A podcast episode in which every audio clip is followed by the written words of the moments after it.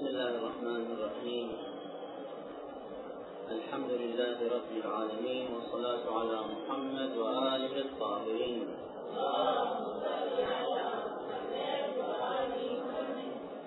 واللعنة الدائمة على أعدائهم من الأولين والآخرين ولا حول ولا قوة إلا بالله العلي العظيم. اللهم فثبتني على دينك واستعملني بطاعتك ولين قلبي لولي أمرك وعافني مما امتحنت به خلقك وثبتني على طاعة ولي أمرك الذي كتبته عن خلقك. وبإذنك غاب عن بريتك. وأمرك ينتظر وأنت العالم غير المعلم بالوقت الذي فيه صلاح أمر وليك.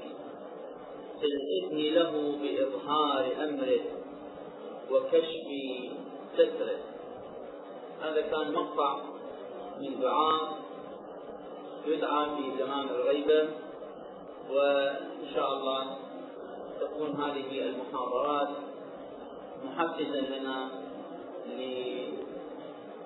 لكثرة الدعاء بتعجيل فرج مولانا صاحب العصر والزمان وخصوصا بالنسبة لتلك الأدعية المنصوصة الواردة عن الأئمة عليهم السلام. صلوا على محمد وآل محمد. وصل البحث في موضوعنا المهم وهو أهمية الدعاء للإمام الغائب في زمن الغيبة الكبرى. ذكرنا المحاور السابقة وفي هذا اليوم نذكر المحور الخامس في البحث وهو المكارم والفضائل التي يحصل عليها المؤمن نتيجة أو نتيجة الدعاء له عليه السلام.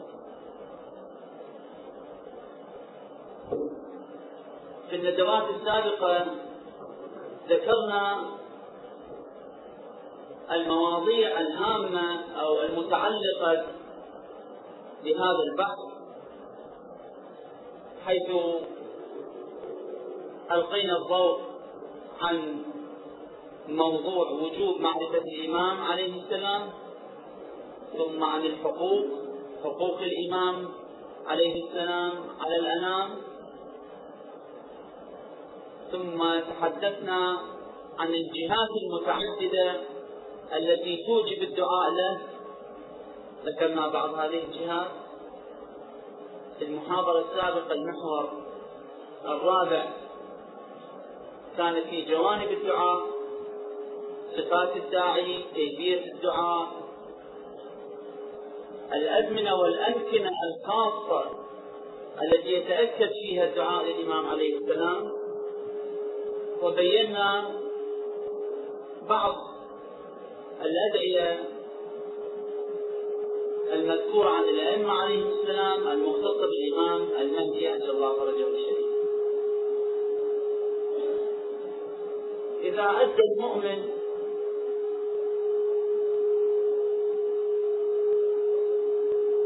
إذا أدى وظيفته في الدعاء أو بعبارة أخرى فعل عنصر الدعاء تفعيلا صحيحا في حياته اليومية والسلوكية والفكرية والذهنية. هل هنالك فوائد ترجع ترجع له من جراء هذا الدعاء؟ هل هنالك فضائل يحصل عليها المؤمن؟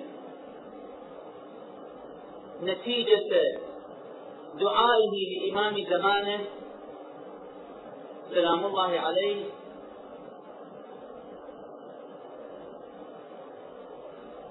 الجواب أن هناك عشرات وعشرات المكارم والفضائل يحصل عليها المؤمن بسبب التزامه بالدعاء لإمامه. عليه السلام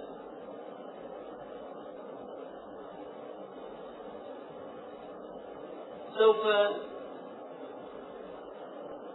أذكر لكم بعض هذه الفضائل وهذه الفوائد والمكارم أسأل الله أن يوفقني بأن أبين بالشكل المناسب. هذا الأمر المهم.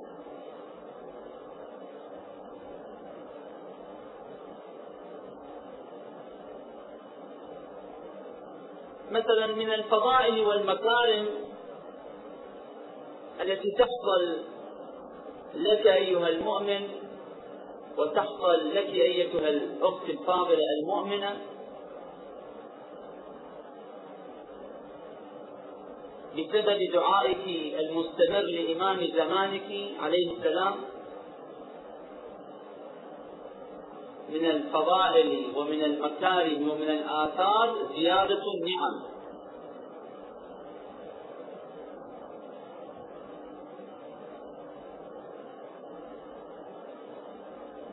أولا الإمام عليه السلام وجوده نعمة. ظهوره نعمة. حكمه في الأرض نعمة. نشره للعدل والقسط نعمة. قضاؤه على الجور والفساد والطغيان نعم هذه نعم عظيمة.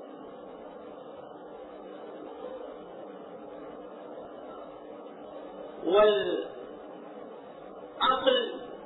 يحكم بوجوب شكر النعمة.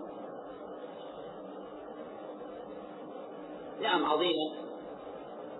هذه النعم هي تترشح من وجود الإمام المنتظر عز الله تعالى فرجه الشريف هذه النعم العقل يحكم بوجوب شكرها.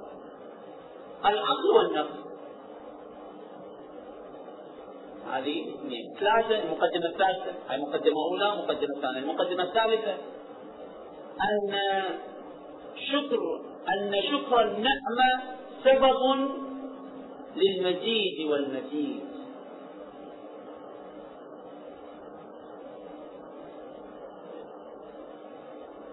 رابعا أن الدعاء هو من أقسام الشكر بضمن هذه المقدمات الأربعة نصل إلى النتيجة المطلوبة. أن بدعائنا للإمام عليه السلام سوف تزيد النعم علينا تزيد وتزيد. أولا وجود الإمام نعمة وجود محمد وآل محمد نعمة على بل هي أفضل النعم. بل وجود هذه الأنوار المقدسة هي أسمى النعم وأجل النعم على العبد هو وجود هذه الأنوار المقدسة. في الرواية عن أمير المؤمنين في أصول الكافي حيث ورد في تفسير قوله تعالى ألم تر إلى الذين بدلوا نعمة الله كفرا؟ قال أمير المؤمنين عليه السلام نحن النعمة التي أنعم الله بها على عباده. النعمة الكبرى والنعمة الفضلى التي ليس فوقها نعمة هم محمد وآل محمد. فقال عليه السلام نحن النعمة نحن النعمة التي أنعم الله بها على عباده وبنا يفوز من فاز يوم القيامة. إذا هم النعمة الكبرى. وفي تفسير الآية الكريمة بسم الله الرحمن الرحيم وأسبغ عليكم نعمه ظاهرة وباطنة. هذه الآية الشريفة. قال الإمام الكاظم عليه السلام النعمة الظاهرة الإمام الظاهر والباطنة الإمام الغائب السائل يسأل الإمام الكاظم في ضمن رواية مفصلة أنا أخذت منها موضع الشاهد. فسأل فسأل السائل الإمام الكاظم عليه السلام قلت فيكون في الأئمة من يغيب؟ فقلت فيكون في الأئمة من يغيب؟ على استفهام. هذا سؤال. يعني هذا السائل بعد ما واصل لعلم أن هنالك إمام يغيب من الأئمة. قال عليه السلام نعم يغيب عن أبصار الناس شخصه ولا يغيب عن قلوب المؤمنين ذكره. صلى على محمد وهو الثاني عشر منا يسهل الله تعالى له ثم يبين الإمام صفات الإمام. الكامل يبين صفات الإمام المهدي عبد الله فرجه محل الشاهد أن هنالك نعمة ظاهرة ونعمة باطنة النعمة الظاهرة الإمام الظاهر. النعمة الباطنة هو الإمام الغائب. الإمام أيضا فائدة آه، آه، تنفع في يعني حقيقة أدعوكم بأن تتأملوا كثيرا في أحاديث الأئمة عليهم السلام المخصوصة في شؤون الإمام المهدي عبد الله فرجه بعضها يؤيد بعض. بعضها يقوي بعض الآخر. في هذا هذه الرواية الشريفة الإمام يقول يغيب عن أبصار الناس شخصه ولا يغيب عن قلوب المؤمنين ذكره. هذا الذي نريده في وهذا الذي نتوق إليه ونصبو إليه ونأمله ونسعى إليه أن ما يغيب ذكر الإمام عن قلوبنا. أن ما نغفل عن ذكر الإمام ولا يغيب ذكره والدعاء له عن أذهاننا. وعن قلوبنا. فالإمام عليه السلام يقول صفة من صفات المؤمنين في زمان الغيبة الكبرى أن الناس غافلين أو بصورة عامة لا يرون شخص الإمام عليه السلام غائبا عنهم لكنه عن قلوب المؤمنين. تفسير أو بين قوسين أيضا وعن قلوب المؤمنين وعن أذهان المؤمنين وعن أرواح المؤمنين هو غير غائب هو موجود في قلوبهم وفي أذهانهم وفي أرواحهم ويجسدون هذا المعنى في سلوكهم في الارتباط معه وعز الله تعالى فرجه الشريف إذا أكبر نعمة هي ماذا؟ هي وجود محمد وآل محمد صلى الله عليه وآله وسلم هل هنالك شك بأن بالنسبة للمؤمن من عقائدنا الحقة المحقة أن زيادة الشرك ماذا تزيد؟ تزيد في النعم. بسم الله الرحمن الرحيم. قال الله سبحانه وتعالى: فاذكروني أذكركم واشكروا لي ولا تكفرون. الآية الأخرى: واشكروا الله إن كنتم إياه تعبدون. هذا في ماذا؟ في وجوب الشكر له. عفوا في وجوب شكر النعمة. أن شكر النعمة واجب. المقدمة الرابعة المقدمة الثالثة عفوا أن شكر النعمة ماذا يسبب؟ إضافة إلى أنه واجب يسبب زيادة النعمة. في الآية الكريمة بسم الله الرحمن الرحيم وإذ تأذن ربكم لئن شكرتم لأزيدنكم ولئن كفرتم إن عذابي شديد. إذا الشكر بالشكر تدوم النعم. لئن شكرتم لأزيدنكم. الإمام أمير المؤمنين عليه عن الإمام الصادق عليه السلام في الكافي عن رسول الله صلى الله عليه وآله وسلم. ما فتح الله على عبد باب شكر فتزن عنه باب الزيادة. هذه السلوكية إن شاء الله نستمر عليها؟ خاصة ربات البيوت. الأمهات اللي عندهم مسؤولية الحفاظ على المنزل والبيت والأسرة ورب الأسرة والأولاد. حالة الشكر كلما بصورة عامة كلما يلهج لسان المؤمن قلب المؤمن بالشكر الشكر اللساني والشكر الفعلي الله سبحانه وتعالى يزيد النعم عليه. والمصائب أو بعض المشاكل التي يمر بها تمر بها العوائل أو يمر بها المؤمن هذه كلها سبحانه ابتلاءات فالإمام عليه السلام الإمام الصادق ينقل عن رسول الله صلى الله عليه وآله وسلم ما فتح الله على عبد باب شكر فخزن عنه باب الزيادة خزن يعني حدث. يعني إذا الله سبحانه وتعالى شرح صدرك أيها المؤمن للشكر يعني فتح قلبك للشكر ما يخزن ولا يحبس عنك بعد الزيادة. ماذا يعني؟ معناه أن الشكر مقرون بالزيادة لئن شكرتم لأزيدنكم. هذه معادلة.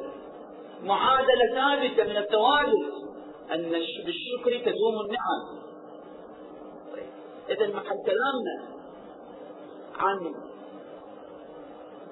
الفضيلة أو المكرمة أو الكرامة التي يحصل عليها المؤمن بالدعاء لإمامه. ماذا؟ زيادة النعم. لماذا زيادة لأن نفس الدعاء هو نحو من أنواع من نحو من أنحاء الشكر. فأنت بالدعاء للإمام بتشكر. نفس الدعاء هو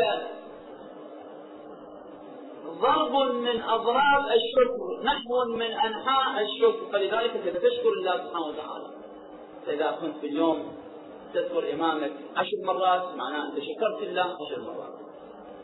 إذا ذكرت إمامك خمسين مرة معناه أنت شكرت الله إذا ذكرت مئة مرة إذا تذكر في كل أكثر لحظاتك في جلوسك في قيامك في سيرك قبل مطالعتك أثناء المطالعة في كلامك سوف يكون في الواقع المزيد المزيد نتيجة هذا الشكر الذي هو الدعاء للإمام عليه السلام.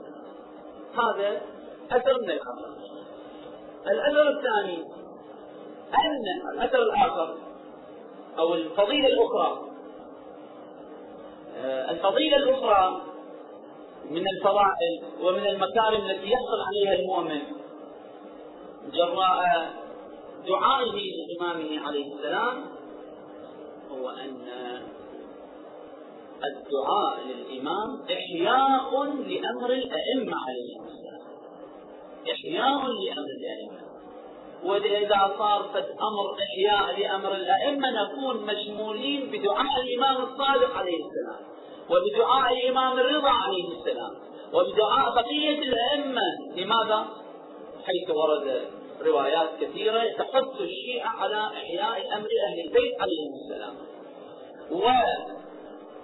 وتذكر الثواب العظيم في الدنيا وفي الآخرة لمن يحيي أمر الأئمة عليهم الإمام الصادق عليه السلام أتجلسون وتتحدثون يا فضيل؟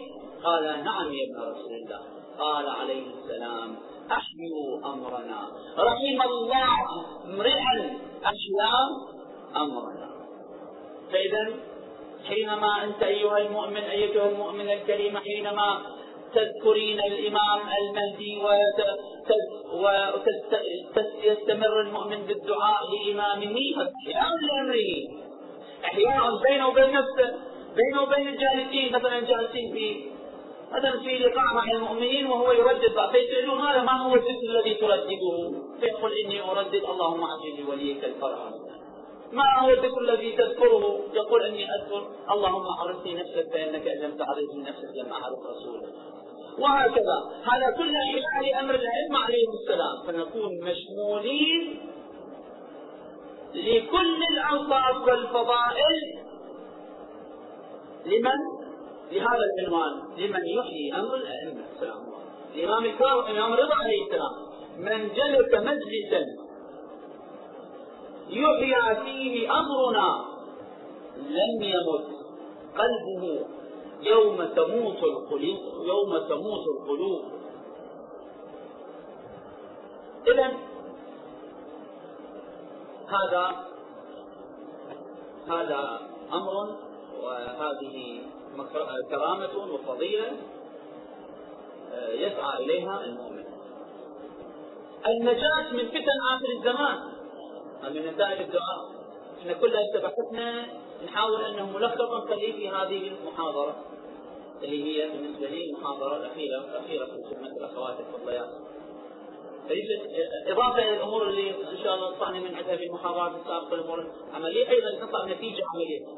بأن الدعاء للإمام عليه السلام إضافة لما ذكرناه من الحقوق من الجهات الموجبة للدعاء من كذا كل هذه الأمور التي ذكرناها إضافة أنت ترجع عليك يا أيها المؤمن أو أيتها المؤمنة ترجع عليكم بهذه الفوائد العظيمة. النجاة من الفتن في آخر الزمان في إكمال الدين وإكمال النعمة للشيخ الصدوق قدس الله يذكر رواية عن أحمد بن إسحاق الأشعري وهذا كان من الذين عاصروا الإمام الهادي والإمام الحسن العسكري وأيضا كان أيضا عاصر في زمن الغيبة الصغرى. فيزور الإمام الحسن العسكري هذا أحمد بن إسحاق الأشعري رضوان الله عليه. ثم يزوره في سامراء. ثم يأتي ذكر الإمام الحجة غلاف رجل الشريف. فالإمام الحسن العسكري يبين مواصفات الإمام المهدي وخصوصياته وكذا. ثم يأتي إلى هذا المقطع. والله ليغيبن. هذا جزء من الحديث. محل الشاهد. والله ليغيبن غيبة لا ينجو من الهلكة فيها. إلا من ثبته الله عز وجل على القول بإمامته. اللهم اجعلنا من الثابتين على القول بإمامته. في آخر الزمان وآخر آه، والفتن التي تحصل في آخر الزمان والعياذ بالله في الرواية الشريفة أنه يمسي العبد مؤمنا ويصبح كافرا والعياذ بالله. يمسي مؤمنا ويصبح منافقا وشاكا. يصبح مؤمنا ويمسي كافرا. فتن عظيمة تكون في آخر الزمان. لا تغربلون لا تمحصون. نسأل الله نسأل الله دائما الثبات لذلك هذا الدعاء في زمن الغيبة لا يروح علينا لا يفوتنا. اللهم عرفني نفسك. فإنك إن لم تعرفني نفسك إلى آخره آخره فإنك إن لم تعرفني حجتك ضللت عن ديني فالإمام عليه السلام أكمل الحديث.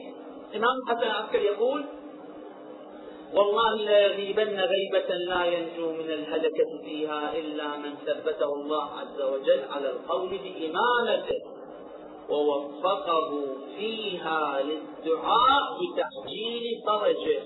لاحظوا يعني فيها يعني في تلك في تلك الغيبة التي تكون هي غربال ومحط لتمحيص المؤمنين لتمحيص المكلفين.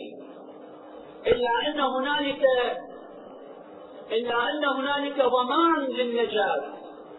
الضمان للنجاة من يقول بإمامته مو بس من يقول بإمامته وإنما وفقه للدعاء بتسجيل فرجه. الدعاء إيش قد له أثر؟ الدعاء في زمن الغيبه للإمام كم له أثر؟ له أثر أن يحفظ أن يحفظ المؤمن من الفتن التي تكون في آخر الزمن وما أحوجنا في هذه الأيام العصيبة للحفاظ ولضمان سلامة إيماننا من أن نسقط في الفتن والعياذ الفتن المظلمة التي نراها يوما بعد يوم تأتيكم الفتن كقطع الليل المظلم يتلو بعضها بعضا. فعلا يتلو يعني نخلص من فتنة التي تجي فتنة أخرى؟ لا ننتهي من فتنة إلى فتنة أخرى تأتي أكبر منها. ما الضمان؟ ما ما هو ضمان الأمان؟ للحفاظ على الإيمان والثبات على الهداية وعلى ولاية أئمة الحق كما يريدون. هو من من من هذه الأمور التي تكون تضمن أو من الأسباب الحافظة والحارسة والعاصمة للمؤمن من الانزلاق في الفتن الدعاء لإمام الزمان عجل الله تعالى.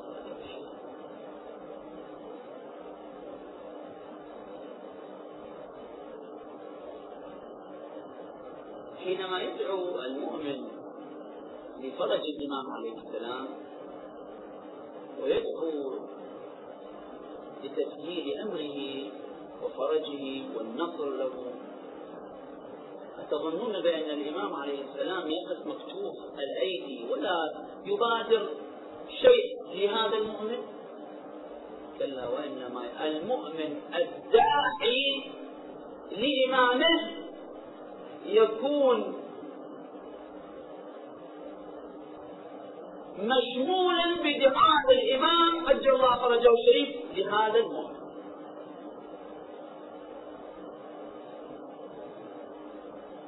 الدعاء أو بعبارة أخرى دعاء الإمام عليه السلام في حق الداعي له بالفرج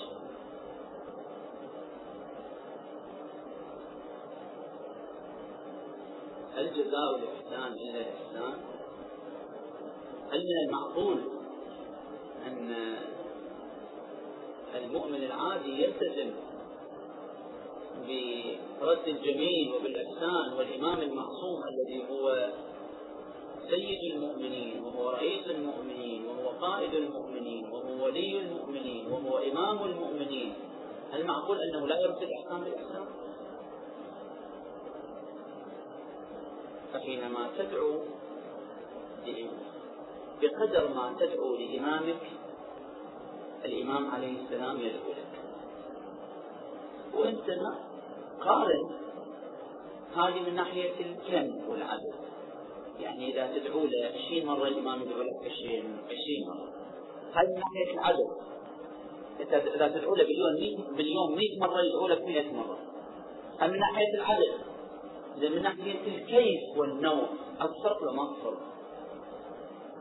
أنت تدعو لك بهذا أنت تدعو وأنت مليء بس أنا مثلا أنا مليء بالذنوب مليء بالخطايا. مليء بالمعاصي أدعو لإمامي بأن يأخذ بيدي بأن يعجل فرجه يسهل مخرجه. هذا دعائي من وكل إناء بالذي فيه ينضح. هذا الدعاء اللي من جهتي أنا. أما الدعاء اللي يكون من الإمام عليه السلام شنو وصفه؟ دعاء يكون من جهة محض الكمال يكون من جهة محض النور. يكون من جهة عين اللطف. من جهة عين الرأفة عين الرحمة عين الكمال. فمن فكم فكم تربح أيها المؤمن حينما تدعو لإمام زمانك؟ وهذه ثوابت في الواقع. لا نقتصر على أن أو لا تقتصر على أن تكون مثبتة على ورق أو مكتوبة. وتكون بكلام بل هي واقع. في زمن الإمام الهادي عليه السلام كان رجل في إصفهان اسمه عبد الرحمن. مر دور على إصفهان كانوا لا يتبعون مذهب أهل البيت من العامة. كان هذا الرجل عبد الرحمن كان شيعيا من بين قومه اللي هم في اصفهان انذاك في زمن الإمام الهادي عليه الهادي السلام الله عليه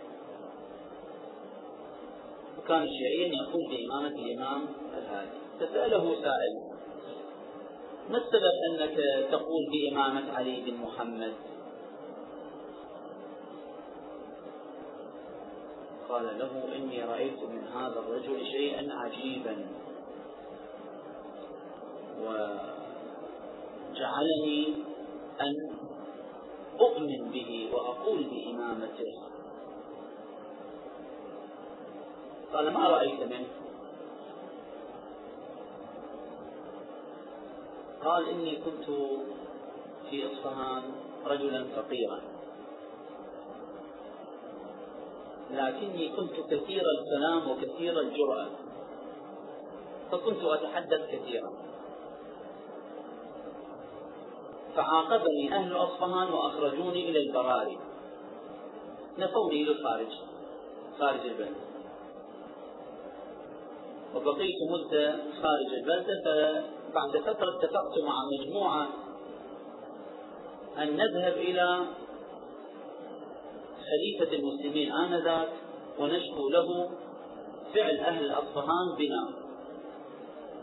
فذهبنا إلى سر من رأى كي نحاول أن نقابل أو نلتقي بالمتوكل العباسي. رحمة الله على المتوكل. المتوكل العباسي اللي هو كان في زمن اللي كان ما في العاصمة إلى سامراء وكان أيضا من ضمن الأئمة اللي عاصرهم الإمام الهادي عليه السلام. عبد الرحمن يذكر القصة فيقول وصلنا إلى سرة مرة و اتجهنا إلى قصر الخليفة أو مجلس الخليفة. ووجدنا الناس محتشدون عند بابه فجلسنا ننتظر.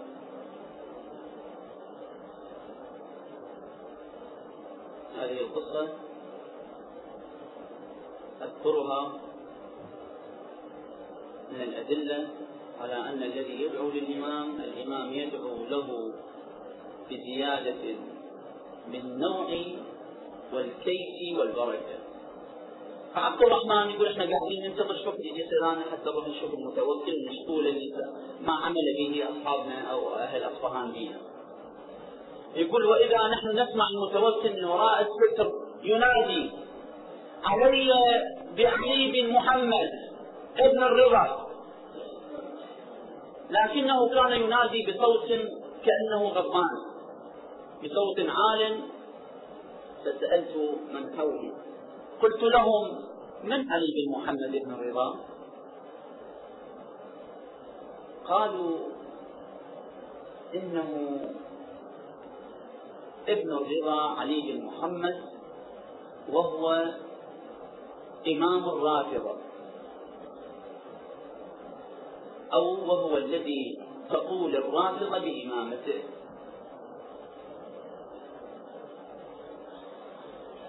يقول عبد الرحمن وإذا فجأة أرى هذا الرجل راكبا. فرسه ويأتي ليدخل على المتوكل. يقول بمجرد أن رأيت أن رأيته أدخل حبه في قلبي.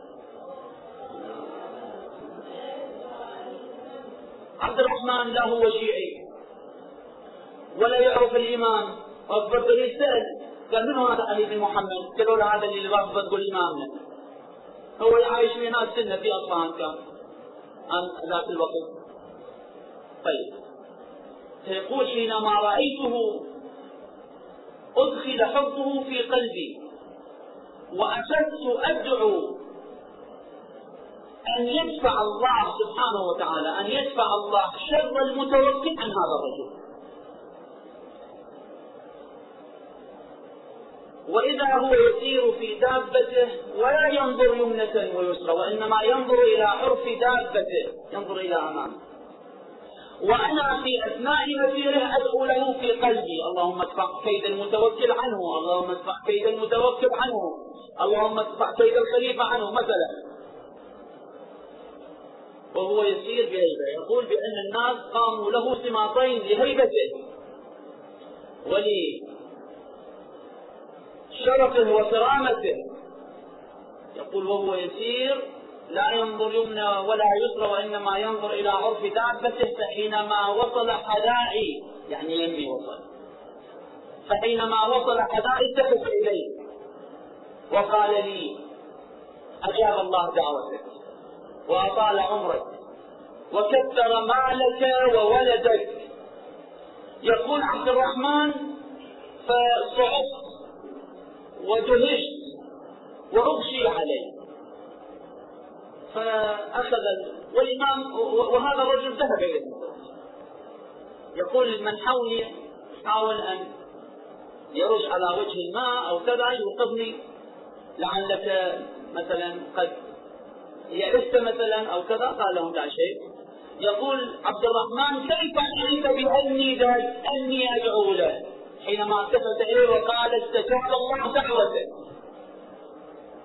ثم بعد ذلك يقول حينما دخل على المتوكل احترمه المتوكل وكرمه وبجله ثم رجعنا إلى اصفهان يقول حينما وصلت إلى اصفهان أنزل الله سبحانه وتعالى علي البركة بفضل دعاء هذا الرجل. بحيث أن الآن أغلق على داري مئة, مئة ألف دينار غير ما أملكه خارج الدار ولي عشر من الأولاد. والآن أنا عمري 76 سنة. فيقول كل هذه البركة رأيتها معجزة وكرامة من الإمام علي بن محمد الهادي عليه السلام. فكيف لا أجعله إماما لي وأؤمن به؟ هذه القصة مذكورة في كتاب للقطب الراوندي ما نستفيده من القصة أن عبد الرحمن دعا في دعا للإمام علي الهادي عليه السلام بينه وبين نفسه اللهم ادفع كيد المتوكل عنا اللهم ادفع كيد المتوكل عنا اللهم كذا كذا الإمام عليه السلام أولا أخبره ما في قلبه ثم أخبر عن الغيب استجاب الله إنما حصلت لعبد الرحمن نتيجة دعائه للإمام الهادي عليه السلام۔ أيها المؤمنون أيها المؤمنات فلننتبه إمامنا موجود. إمامنا المسؤول عنا الغائب. عبد الله فرجه كل كل ما هنالك أنه غائب. لكن نعتقد جميعا بأنه يرانا.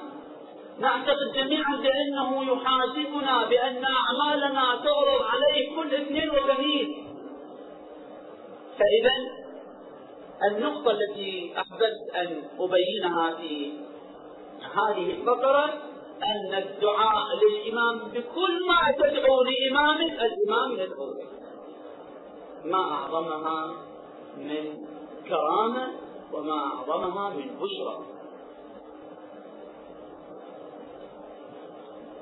بقية الفضائل والمكارم لا يسع الوقت أن أشرحها.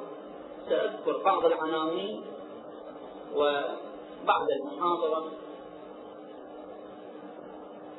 إذا كان هنالك آه، حاجة لشرح بعض هذه العناوين لا بأس أن أبينها بعد نهاية المحاضرة. يعني بعد أن إذا انتهى الوقت. من هذه المكارم والفضائل الدعاء له حينما ندعو الإمام وسيلة إلى الله عز وجل. الآية الكريمة بسم الله الرحمن الرحيم. يا أيها الذين آمنوا اتقوا الله وابتغوا إليه الوسيلة. الرواية عن علي عليه السلام الأئمة من آل محمد صلى الله عليه وآله الأئمة من آل محمد صلى الله عليه وآله وسلم الوسيلة إلى الله والوصلة إلى ربه. أمر آخر فضيلة أخرى. استجابة الدعاء الخاص للمؤمن. ما أسعدك أيها المؤمن وأيتها المؤمنة وما أكثر حظك وأعلى قدرك حينما تدعو لنفسك قبل أن تدعو لنفسك تبدأ بالدعاء لإيمانك عليه السلام هذه السلوكية. هذا امتثال هذا ناحية عملية. أن قبل ما ندعو لأنفسنا وندعو لزوجنا أولا نذكر الإيمان عليه السلام. اللهم اهدني وليك الفوز اللهم اشفي مرضانا. من تطلع الصبح اللهم اهدني وليك الفوز اللهم ارزقنا يا الله. من تطلع مثلا اللهم أجل سهل مخرجه أو منهجه وسهل امورنا يا الله. فقبل أن تبدأ بالدعاء لنفسك ادعو لإمامك عليه السلام وسوف تقضى حاجتك إن شاء الله إن كان من مصلحة ذلك. دفع البلاء وسعه الرزق كيف لا يكون الدعاء للإمام المهدي عجل الله فرجه الشريف؟ سببا نعم سببا لدفع البلاء وسعة الرزق. كيف لا يكون ذلك؟ والدعاء للأخ المؤمن يؤدي هذا الأثر وهذا وهذه النتيجة. في الرواية في كافح الإمام الصادق عليه السلام دعاء المرء لأخيه يعني لأخيه المؤمن بظهر الغيب يدر الرزق ويدفع المكروه. الفوز بشرف لقائه في اليقظة أو المنام عليه اللي دائما يكون في ذكر الإمام عليه السلام يفوز بلقائه اللهم انصرنا. في اليقظة أو المنام فالمثال بسيط.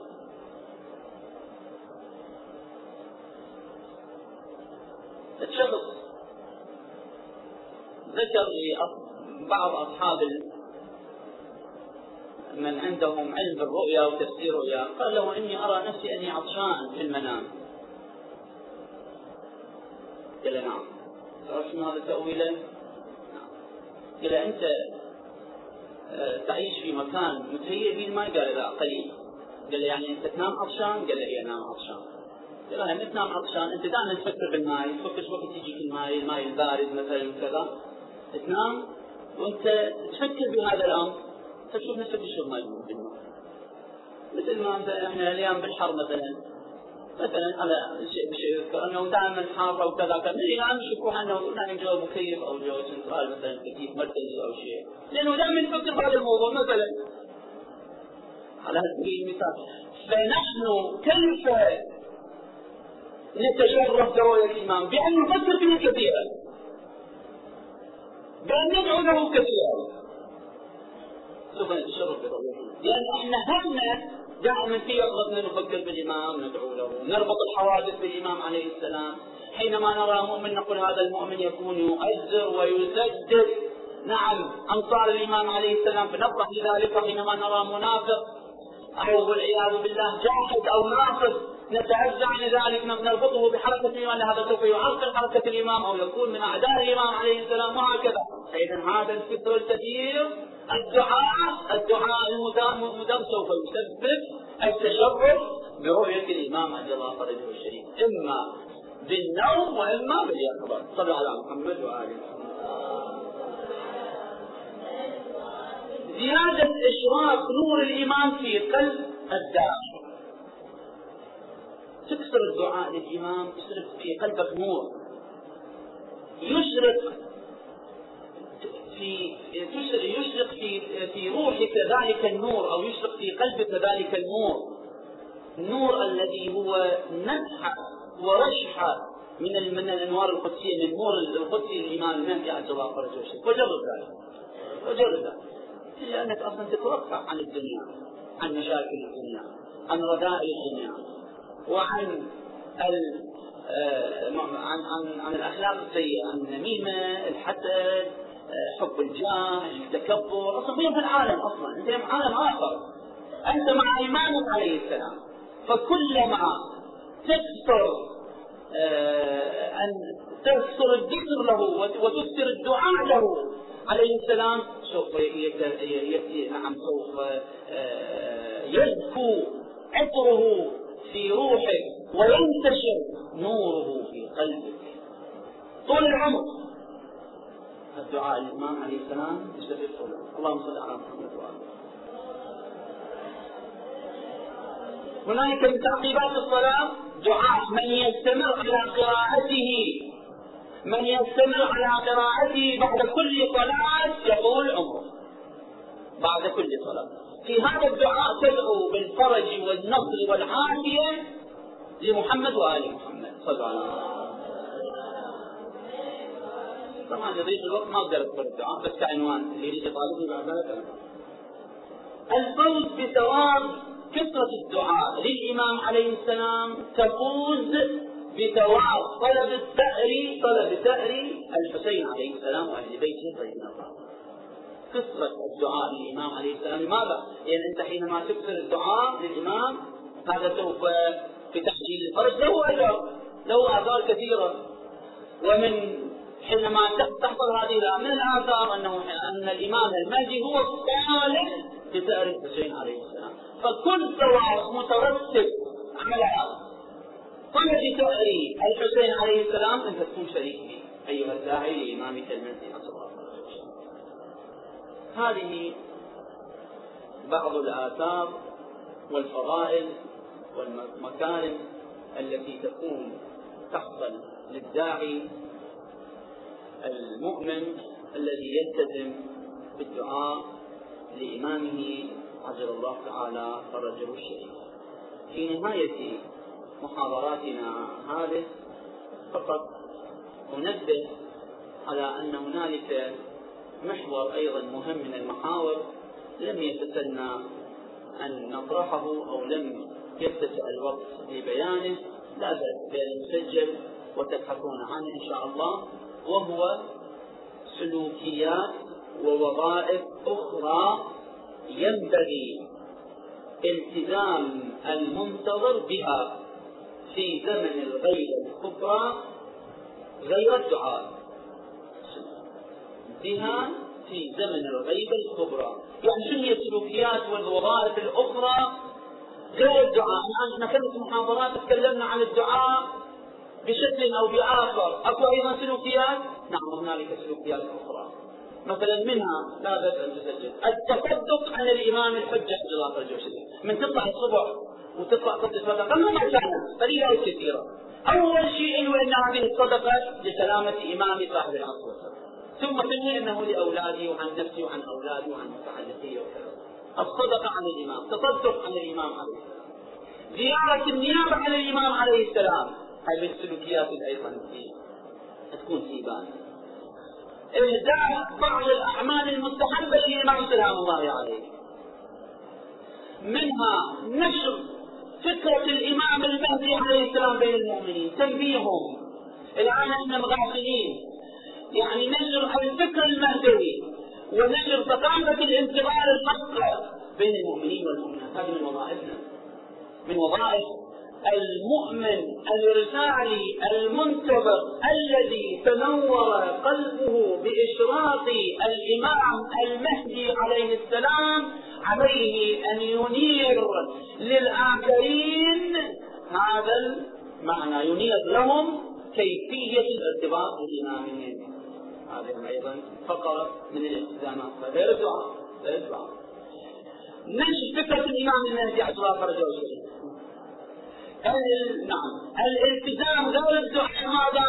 بالزيارات كما ذكرنا في الأماكن المخصوصة. المنتظر المنتظر ينبغي أن يكون سباق إلى الأماكن المنسوبة للإمام المهدي عبد الله فرج في زيارته. مثلا من قبيل مسجد الكوفة من قبيل مسجد السهلة مثلا في ليله في ليله الاربعاء مثلا اللي مثلا قريب من الأماكن المتعلقة بالإمام عليه السلام. بعض المقامات بعض الأخوات سألوا في الدرس السابق بعض المقامات الموجودة في العراق منسوبة للإمام المهدي عليه السلام أيضا يختلف إليها ويتردد إليها. أيضا منسوبة للإمام عليه السلام. لكرامه من الكرامات. قد في ذلك المقام افرض أنه حصلت كرامة الإمام المهدي لأحد المؤمنين. كرامة الإمام المهدي عليه السلام. يعني أيضا يكون هنالك تردد واختلاف لذلك المكان هذا أيضا من الالتزامات نعم. من الالتزامات المهمة بيننا وبين الإمام عليه السلام. غير قضية الدعاء. أهم التزام أهم التزام بأننا أن نكون قد أدينا الواجبات وتركنا المعاصي. عمل الطاعة فعل الطاعة وترك المعصية. وهكذا. فإذا نسأل الله سبحانه وتعالى أن يجعلنا ممن يؤدي وظيفته على أتم وجه في زمن الغيبة الكبرى تجاه إمامه الغائب. عبد الله تعالى فرجه الشريف. والحمد لله رب العالمين. وصلى الله على محمد وآله الطاهرين.